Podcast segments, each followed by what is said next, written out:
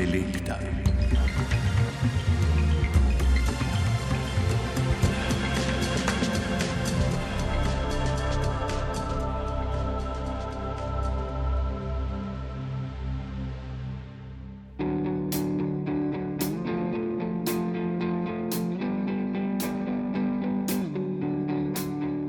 Likovno opismenjevanje je izjemnega pomena. Družbene posledice, ki sledijo, če se temu vprašanju ne posvetimo dovolj, so lahko zelo velike. Kot pravijo strokovnjakinje in strokovnjaki, ki jih boste slišali v današnji intelekti, bomo brez načrtnega likovnega opismenjevanja še naprej priča popolnemu nerazumevanju likovne umetnosti ter vizualnemu onesnaževanju, ki v svojem skrajnem dosegu pomeni tudi degradacijo okolja, kar se najbolj nazorno kaže v neprimernem odnosu do urbanizma. Pomembno vlogo ima seveda tudi slovenski izobraževalni sistem. Zaradi zelo popredmetene šole se likovni vzgoji in likovni umetnosti posveča premalo časa. Ob tem pa se zaradi izrazite komercializacije slabša tudi likovna podoba učnega gradiva, s katerimi se srečujejo slovenski učenke in učenci. Na tnalu so učbeniki, delovni zvezki, berila, pa tudi šolske potrebščine, od zvezkov, peresnic do torb in pribora. Kako torej otrokom približati odnos do kakovostnih vizualnih vsebin, kako jih opremiti znanjem, ki bi pripomoglo k prepoznavanju kakovostnega oblikovanja, kakovostne ilustracije, umetnosti? Kako k tem vprašanjem pristopiti skozi pedagoški proces, ter kakšne so lahko posledice, če tega ne storimo? Pojdimo po vrsti.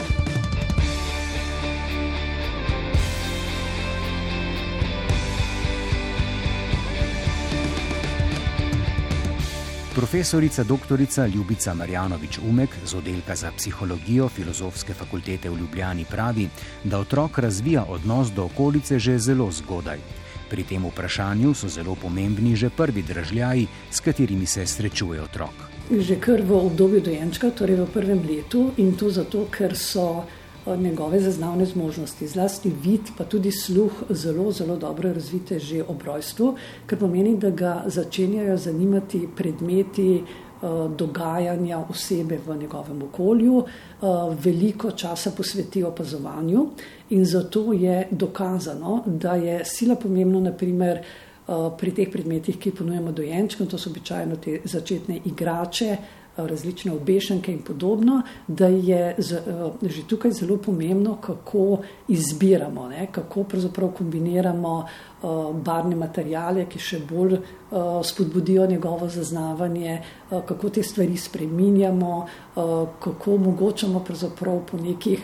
Um, Ne bom rekla individualnih, ampak univerzalnih načeljih estetike, ponude stvari, ki so lepe, tudi že dojenčko. In potem se pravzaprav stvari skozi njegovo razvojno obdobje, obdobje mojen, malčka, obdobje otroštva, samo stopnjujejo, izpostavljen je vedno večji količini držav, ki jih pridobiva na različne načine, in uh, vedno večja je možnost, da so te državi kakovostni ali pa zelo šipki, oziroma popolnoma nekakovostni. V šoli je kakovostna vsebina ključna in ni pomembno, ali gre za besedilo ali slikovno opremo. Tu razvojna psihologija stavi na vizualno pismenost že v predšolskem obdobju. Kar pomeni, da um, uh, stavimo na to, ne, da že beseda slikanica ne, pove, da je vodilna v nekem knjigi slika. Eh, ker vemo, torej, da ta slika vpliva celostno na otrokov razvoj, ne, ker pomeni, da mu omogoča tako pridobiti neke spoznavne izkušnje, zlasti čustvene izkušnje, socialne izkušnje, in da pač ne more biti vseeno, kaj je narisano v slikanici oziroma katerikoli otroški knjigi. Potem pa pridemo v prvo triletje, v tem predšolskem obdobju, mogoče to nekoliko bolj jasno, zato ker so slikanice posebej izdelane ne, in želijo nekaj sporazumevalni kontekst postaviti z otroki.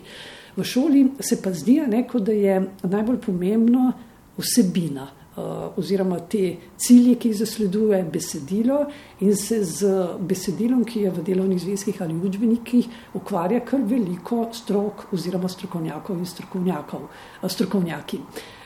Kar pomeni, ne bodo pozabili na to, da kaj morajo naprimer pri spoznavanju okolja vse razložiti otroku, kako je to besedilo grajeno. Veliko krat se potrudijo, da upoštevajo naprimer govorne miselne zmožnosti otrok, ne bom rekla, da vedno, pa veliko krat.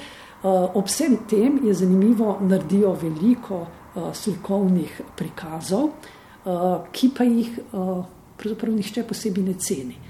To, da jih nihče posebej ne ceni, kažejo za tem, da um, pravzaprav nimajo nikoli uh, nobenega um, likovnika praviloma pri tem, ko snujejo učbenik, torej avtori in avtorice, to je neka ekipa, običajno ni en posamezni človek in uh, imajo različne strokovnjake, oziroma strokovnjakinje nimajo pa likovnika in potem nimajo likovnika tudi ne, ko potrjujejo ta različna učna gradiva, eh, ki bi ocenil ne samo, ali je posamezna eh, ilustracija v učbeniku estetska, ampak ali je cel učbenik estetski, ali je to nekaj, ne, kar bo otrok prijel za užitkom, kar bo posredno vplivalo na njegov, njegovo razvijanje lepega, tako kot sem prej rekla, ne, da je pri igračah pomembno, ne, da vzbujajo nek občutek, da je nekaj lepo, nekaj druge pa manj lepo. Ne. Torej, skratka, veliko teh tako imenovanih didaktičnih, recimo jim, recimo jim tako, ilustracij se ne spogleduje z nobenim konceptom estetike. Učbenike in delovne zvezke pri nas potrjuje Strokovni svet Republike Slovenije za splošno izobraževanje pri Zavodu za šolstvo. V pravilniku o potrjevanju učbenikov je med drugim jasno zapisano, da pristojni strokovni svet potrdi učbenik, ki je tehnično ustrezen in estetsko ter vizualno ustrezno oblikovan. A med člani strokovnega sveta za splošno izobraževanje, kot smo slišali, ni niti enega likovnika. Še več, celo med člani komisije za učbenike ne sedi nihče z tega področja. O učbenikih, berilih in delovnih zvezkih torej odločajo tisti, ki teh znanj nimajo. To opaža tudi izredna profesorica za področje likovne didaktike, dr. Bea Tomšič Amon z oddelka za likovno pedagogiko Pedagoške fakultete v Ljubljani. Največjo težavo vidi prav pri delovnih zvezkih. Delovni zvezki delovne zvezke ne pregleda nihče. Zato je seveda zelo pomembna tržna niša, ker v delovnem zvezku pišeš in ga ne more uporabiti tvoj brat. Uh, tako da vsako leto gre vse v tisk, učbenik pa lahko velja več let. Uh, in uh, res je to, da absolutno ni nobenega likovnega pregleda pri večini mi smo naredili pri večini mm, delovnih zvezkov, mi smo tukaj naredili, že nekateri, recimo študentske razrednega pouka, ki jih zaleva zanima, mm, so naredili magisterske naloge na, na to temo, na vizualnost pri delovnih zvezkih in smo odkrili zadeve, eh, ki je absolutno, recimo risbe, ki so nemogoče, naprimer, Dobri boste vedeli, naprimer, eno, da, da razumejo volumen, moraš zbrati določeno vrsto isometrije. Ne more biti katera koli, ker če ne, ne dobijo občutek v prostoru. E, recimo en primer ali pa drugi primeri, ki so povezani, naprej, zdaj se spomnim primera, uh, naredi svoj portret in potem jim narišejo eno jajce in znotraj tistega morajo narisati svoj portret. Glih takrat, ko je otrok najbolj svež, da in ima največ idej, da sam sebe nariše. E, tako da so, ne bom rekla, da niso, ne vem, če sploh govorite o kvaliteti. Bom rekla, so napačno narejeni, so večinoma narejeni brez znanja. Kakšen je torej dober učbenik? Kakšen je dober delovni zvezek? Oblikovalke in oblikovalci se ob njihovem snovanju soočajo številnimi zahtevami, a tudi s preprekami. Moje prvo vprašanje je, tako, kaj je dobro oblikovanje. To se mogoče v prvi vrsti ne kot starš, ampak kot nekdo, ki je pač vendarle napravil ne, srednjo šolo za oblikovanje. In, uh, mislim, da ne tri, štiri učbenike sem pa tudi oblikovno zasnoval, ne samo ilustriral. Zdaj, moje vprašanje je, kaj je dobro oblikovanje. In dobro oblikovanje je tisto, ki dobro služi bravcu, uporabniku, učencu, učitelju. Se pravi, ki dobro funkcionira. Niti ne bi zdaj na začetku uporabil izraza lepo ali pa kič, ampak tako, ki deluje. In to pomeni, da ima jasno oblikovane hierarhične strukture po pomembnosti. Učbenik je poln podatkov, informacij in te informacije morajo biti hierarhično urejeni. Po pomembnosti, pa tudi po različnem tipu. Vse se vemo, da je to razlika, tam ti razlagaš matematično formulo ali pa v naslednjem odstavku navajaš vaje z rešitvami ali kaj podobnega. Ne? Da, pomembno je tudi to, da imajo učbeniki tudi odprt prostor za recimo temu mehke dele, če so trdi deli tisto res stroga snov po kurikulumu, vsebina, te mehke deli so pa neki vstopi v snov. Ne, tudi v, v, matematičnem učbeniku lahko začenjaš temo z kratkim stripom. Ni razloga, da ne bi. Uh, tako da, uh, ko sem delal uh, učbenike za, za matematiko, smo tudi tam smo stripe za avtorico dodajali noter. Ne.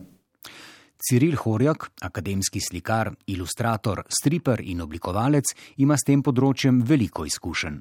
Tako da učbenik uh, je verjetno v nekaj stiskah, ne, kot zvrst oblikovalska, lahko jih naštejemo. Eno je to, da, da je precej hierarhično razčlenjen in to pomeni, da moraš imeti na eni strani v tipih črk ne, več tipov črk. Potem rečeš, ok, ker smo imeli te neke poudarke, ali pa to si pa velja zapomniti, ali pa to pa poglej še v literaturi, ali pa pedi na internet.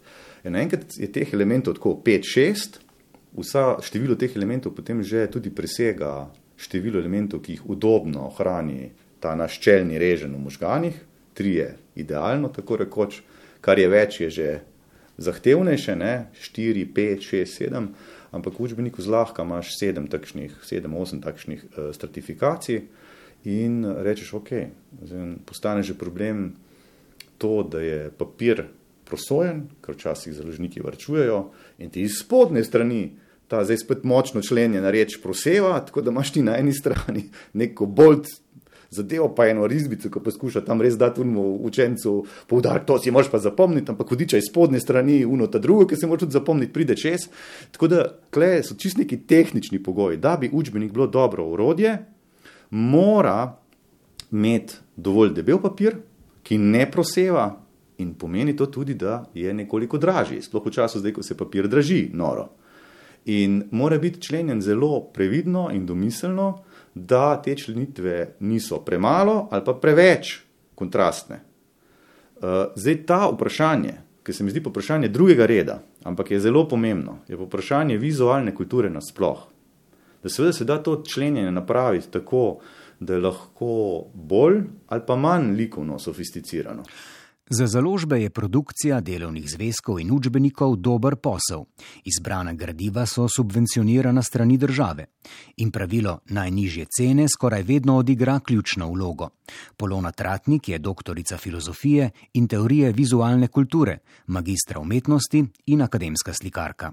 Učbeniki oziroma delovni zvezki ne, se danes delajo lahko na način, da, da založba najame neko podjetje, ki se ukvarja z upremljanjem, to se pravi um, tako imenovanim likovnim upremljanjem, a ne s čimer se ukvarja v bistvu na tak, da rečemo, profesionalen, novodoben način, ne, uh, se pravi, kjer se pravzaprav ne ostavljamo pri tem, s, čim se bomo, ne, kakšne sebine so, koliko je tega, uh, kako se k temu pristopa, ne, in ker pač tukaj ni nobenih uh, nobenih filtrov, če tako rečemo, ne, ki bi v bistvu omogočali neko, uh, ne, neke, neka, nekih sit, ki bi omogočali, da dobre kvalitete, da, pride, da dobra kvaliteta dejansko doseže otroke preko učbenikov, delovnih zvezkov in tako naprej, se potem lahko dogaja, da praktično kdorkoli lahko. Ne, to so neke arbitrarne presoje.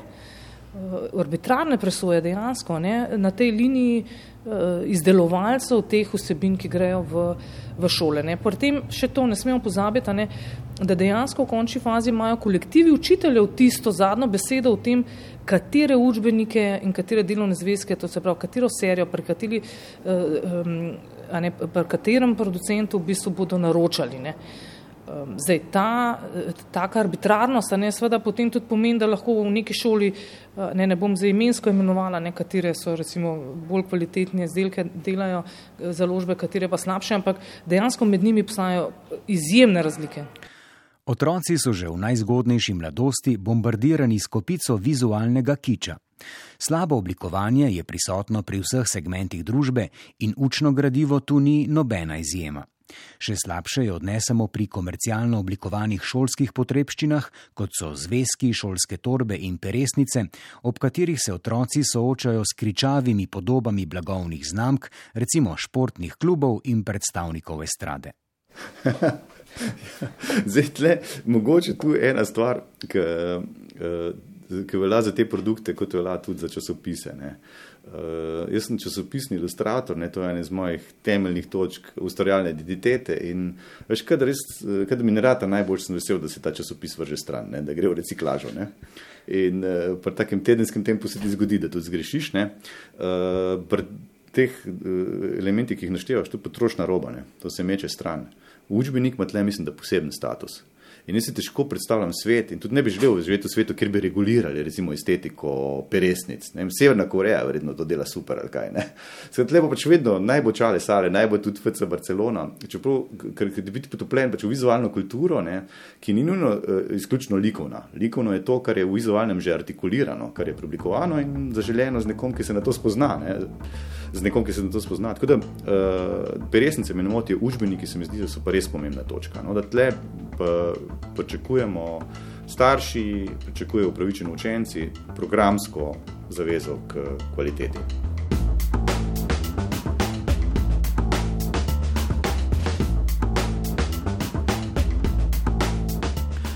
Likovno opismenjevanje je za otrokov razvoj enako pomembno kot bralna pismenost, meni profesorica Ljubica Marjanovič Umek. Postati bi morala širši družbeni cilj, ki bi ga morali bolj zauzeto zasledovati pri vzgoji in izobraževanju. Likovno opismenjevanje to je eno od opismenjevanj, tako kot je vem, bralna pismenost, eno od opismenjevanj, tako kot je digitalna pismenost. Uh, in mi pravzaprav uh, v zadnjih desetletjih veliko govorimo o tej intermodalni pismenosti, kar pomeni, da bi uh, mogli združiti pri izobraževanju otrok različne vidike pismenosti in da šele te jim omogočajo, da bo pravzaprav pridobil vedenje, znanje, izkušnje na vseh področjih, ki oblikujejo človeka. No, človek je pa celostno bitje. In zato mislim, da je ta likovna pismenost enako pomembna, tako na ravni uh, branja v navednicah, ne opazovanja, branja ilustracij, uh, fotografij, kot seveda tudi na ravni lastnega izražanja, kar pomeni uh, risanja, oblikovanja in podobno. Te stvari grejo običajno skupaj, tako kot gre pri branji pismenosti skupaj, naprimer. Eh, poslušanje in pa pisanje oziroma govorjenje. Eh, skratka, eh, če te besede poskušamo pretvoriti ne, v, na področje otrokovega razvoja, potem je logično, da otroku, ki nima nikakršnih možnosti, da bi pridobil izkušnje na področju vizualne pismenosti oziroma likovne pismenosti, bo na koncu nekaj umankalo. Poglejmo dejstva. V kurikulumu za osnovno šolo sta likovnemu pouku v prvih dveh triadah namenjeni dve šolski uri na teden. V zadnji triadi se število ur prepolovi. In naprej. V gimnazijskih programih je likovni umetnosti namenjena zgolj ena ura na teden in še to zgolj v prvem letniku. Je to dovolj? Bea Tomšič Amon, pedagoška fakulteta. Ne, ena ura absolutno ni dovolj. Predvsem zato, ker ure likovne vzgoje so zelo kompleksne za izpeljati. To ne odpreš zvezek ali pa delovni zvezek, pa začneš pisati. Tukaj je treba podati naloge, je treba pripraviti material, je treba razdeliti material, um, je treba uh, delati in je treba pospraviti in to vse v 45 minutah je nemogoče. Absolutno nemogoče. E, tako da mislim, da tudi tukaj nismo, v bistvu osnovalci niso zelo realni. Si ne predstavljajo, kako izgleda pouk določenega predmeta e, in da je to res možno izpeljati. Ne. To bi jaz težko presojala, e, ali je količina ur zadostna za posamezne predmete v šoli. s tem imamo vedno, ko govorimo o tem celostnem vidiku, nekaj težav. Uh, zato, ker uh, pravzaprav nekako stavim na to, da bi se morale stvari med seboj povezovati in dopolnjevati. Uh, res je, ne, posamezne, imamo zelo popredmeteno šolo, imamo zelo veliko število predmetov, več kot v Eh, državah, za katerimi se radi primerjamo, eh, ker pomeni, da smo stvari nekako razbili na posamezne delčke in potem je zmanjkalo ne, število ur, ki jih je že tako in tako veliko za učenca oziroma učenko za uh, posamezne predmete. Uh, ja, malo je, seveda, ena ura, dve ure je malo, ampak vprašanje je, ali um, kaj veljajo ta tako imenovana načela o tem tako imenovanem um, medpredmetnem povezovanju, kar pomeni, da bi likovna uh, umetnost um, oziroma likovne izkušnje, ki jih otrok pridobiva, morale vstopati praktično skoraj da v vse predmete, saj v nekem pomembnem delu uh, ure, da je ne nazadnje pomemben ne vem, tudi učbenik za uh, tehniko, če hočete, ali pa učbenik za uh, vem, matematiko, kako je estetsko narejen. Že s tem, če to popravimo, ne, dobimo neko dodano vrednost k temu, kar se neposredno dogaja pri eh, realizaciji pouka v okviru eh, predmeta likovna umetnost. Iz slišanega je moč čutiti, da bi se resne spremembe na področju likovnega opismenjevanja lahko zgodile le ob koreniti šolski reformi. Govorimo torej o šoli, ki bi prekinila z ustaljenim izobraževalnim procesom in se bolj usmerila k interdisciplinarnosti pri podajanju znanja. To so na primer že pred časom uvedli v nekaterih skandinavskih državah.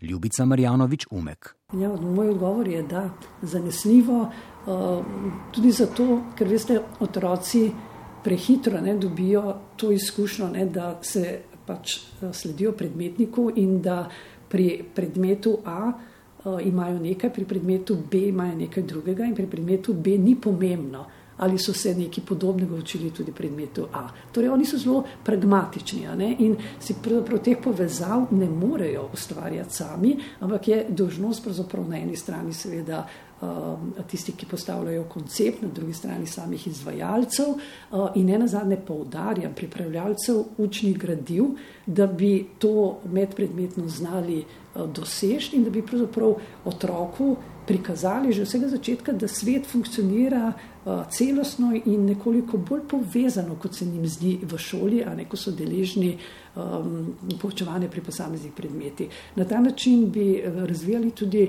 drugačen odnos do okolja, do ljudi, do problemov v okolju in bi uh, pridobivali to um, estetiko, to ta, ta užitek ne, po nečem dobrem, lepem, ne, skozi različne svoje dejavnosti, uh, ki jih izvajajo pri, uh, v šoli, ne glede na to, pri katerem predmetu v tistem trenutku sedijo. Ampak uh, se mi zdi, da je zelo pomembno, ko govorimo o eni enotni osnovni šoli, kjer gleda na celo vertikalo z eno uh, enotno logiko. Jaz upam, da se bo to zgodilo z naslednjimi prenovami, da ne bomo več gledali na tudi nadeljene predmete, ampak da bomo govorili o vzgoji možganov in navadi in tako naprej. Kot še opozarja profesorica Bea Tomšič Amon, so odločevalci pred časom preimenovali pouk likovne vzgoje v likovno umetnost. In tu pride do svojvrstnega paradoksa. Pri tej učni vsebini je namreč poudarek na likovni produkciji, ne pa na umetnosti, o kateri seveda pri likovnem ustvarjanju otrok še ne moremo govoriti. Ob tem pa Polona Tratnik opozori, da se otroci samimi dosežki likovne umetnosti, tako domače kot svetovne, premalo seznanjajo. Jaz mislim, da pravzaprav učenci se ne seznanjajo niti z likovno teorijo, niti z modernizmom, niti z uh, likovnostjo kot tako. Um, lepo, da so ustvarjalni in tako naprej, ampak recimo, sigurno se da ob tem seznanjati in naslavljati in preizpraševati tudi uh, umetniška dela, ki so bila recimo v tisti, recimo z naslavljanjem neke tematike ali pa v nekem, uh, neki tehniki in tako naprej, ki so pač priznani dosežki ne, in se ob tem spraševati. Ne. Recimo, kar se tiče teh ustvarjalnih praks, ne, ne samo z uh, področja vizualne umetnosti, ne, človek povsem drugače razume nek dosežek kot dosežek, ne, če je sam pri tem aktiven, obenem pa pravzaprav proučuje, kaj je tam bilo narejeno. Ne. Če med tem obstaja neka diskrepanca, torej da jaz na nek, eni strani rišem kar tako nekaj, brez nekih posebnih kriterijev, ne, ali pa so ti kriteriji, da ne rečem, problematični, ne, recimo v slogu, ali dobro posnemam, recimo dobro posnemam tisto, kar je, pa kako se to posnemanje razume, če pogledamo zgodovino, je, se to tako izproblematizira. Ne. Na drugi strani, Uh, ne, na drugi strani pa recimo neke dosežke, ki, s katerimi se seznanjam potem dosti kasneje, mogoče v srednji šoli in tako naprej, uh, ko mogoče že neham recimo samo ustvarjati. Ne. To se pravi, sploh nimam, nimam več tega uh, čutnega v bistvu odnosa in stika s tem področjem in zato tudi tistih dosežkov, takrat, ko bom z njimi enkrat seznanjena, če sploh bom, ne, ne moram na tak način razumeti. Ne, in s tem pravzaprav verjetno delamo ne, pravzaprav neko slabo uslugo, če tako rečem, ne, našim uh, učencem, ker dejansko ne dobivajo, ne dobivajo dovolj znanj in uh, širine z področja umetnosti, se pravi zlasti tele uh, tako imenovane vizualne ne, umetnosti, da bi lahko sploh razumeli, kako pomembno je pravzaprav ta stika. Ne. Zdaj, če pa pomislimo, kako mi v vsakdanjem življenju živimo, kakšno vlogo ima recimo likovnost, ne, pa lahko opazimo, da prav na vsakem koraku ne, in da tisti, ki nam poskušajo nekaj prodati, znajo zelo dobro izkoriščati te svoje veščine. Ne. Torej, ko mi kupujemo zobno pasto, je ne kupimo zato, ker bi kvaliteta tistih vsebin bila pri eni pasti boljša kot druga. Ne ampak zaradi likovnosti samega izdelka ne, in zaradi te obljube, ki nam jo ta izdelek podaja. Ne. In kaj je umetnost drugega, kot da operira s temi pomeni, da v bistvu gradi te likovnosti. Ne. E, torej, očitno se pač ljudje, nekateri se posebej, a ne seveda, usposobijo potem zato, da, da lahko potem neko prakso izvajajo, medtem ko v širši populaciji pa v bistvu ta izobrazba uh,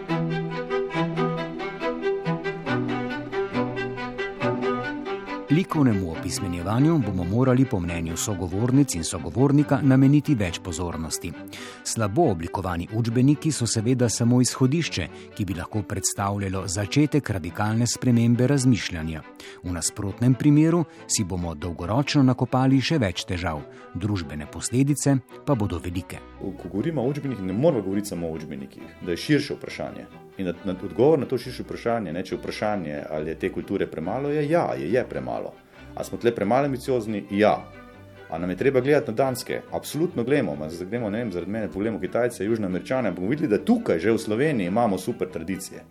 Vse so bile tle zaveze in tle tudi je tako genialna tema, ker ni niti politično, tako kot so nam biti zelo razdeljeni Slovenci. Meni se tle ne zdi, jaz pa na tem nivoju pa res ne vidim med učiteljem župnikom, med oblikovalcem, športnikom, dobene razlike, vsi so lahko zavezani k dobri kvaliteti.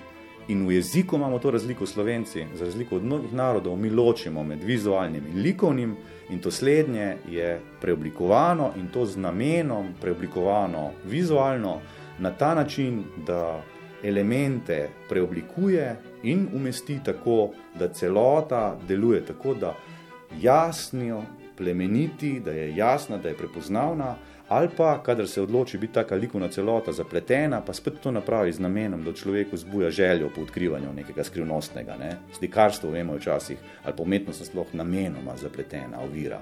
Ne? Učbeniki so na drugem spektru. Ne? Si likovnik, ki se trudi čim bolj jasne stvari narediti, ne pa zapletene. Ne? Likovnost izhaja iz narave. Narava, narava, to vemo, tisti, ki se ukvarjamo s tem, kako neposredno je povezana z naravo. Narava ima določen red, ima določeno lepoto, nam, nam daje veliko stvari, o katerih lahko razmišljamo. Uh, ko v bistvu pozavimo na te stvari, potem pa nastane nered, v katerem nam je zelo težko živeti.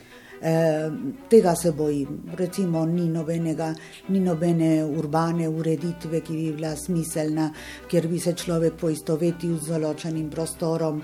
Slovenci smo urbanistično idioti. Ne? Res. Mislim, to se spomnim, ko je kancler Kohl se vozil čez Slovenijo, rekel: Mater je to lepa dežela, čez pet minut pa tale urbanizem, to vam pa tudi ne gre. Ne? Ne? Tako je mogoče tudi to drugo povedati. Ne? Mislim, znamo tako izvesti super vasic, ne, ne znamo niti to, kar znajo narediti angliži, pa francozi, pa lepo ohranjati tisto, kar je bilo. Mislim, noter si naredi, izbetoniraj, izoliraj, kar češ, ima zunaj, pusti stvar uh, stati. Eh, ne znamo razsut in to ne na en način. Ne. Mi vas pripeljemo k IKEA na razstavišče za različne type hiš, ne po 50, 20 tipov hiš. Stebrički taki, material uno, en je aluminij odkril v Avstriji, ki je bil na delu iz aluminija celo bajto naredil, en je malo steklo, katastrofa. Plečnika se spomnim, ki je pisal, moj bog, kako so naša mesta grda. Okay. Tudi učbenik je vsaj neka majhna stvar, pa stran se bo vrgel, ma tiste hiše ostanejo.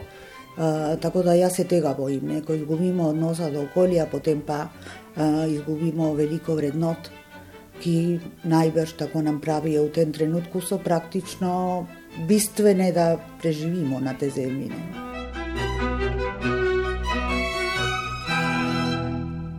Intelekto najdete tudi v svoji aplikaciji za podkaste in v arhivu RTV Slovenija. Tokratno oddajo pa sva pripravila Damjan Rostan in Miha Žorž.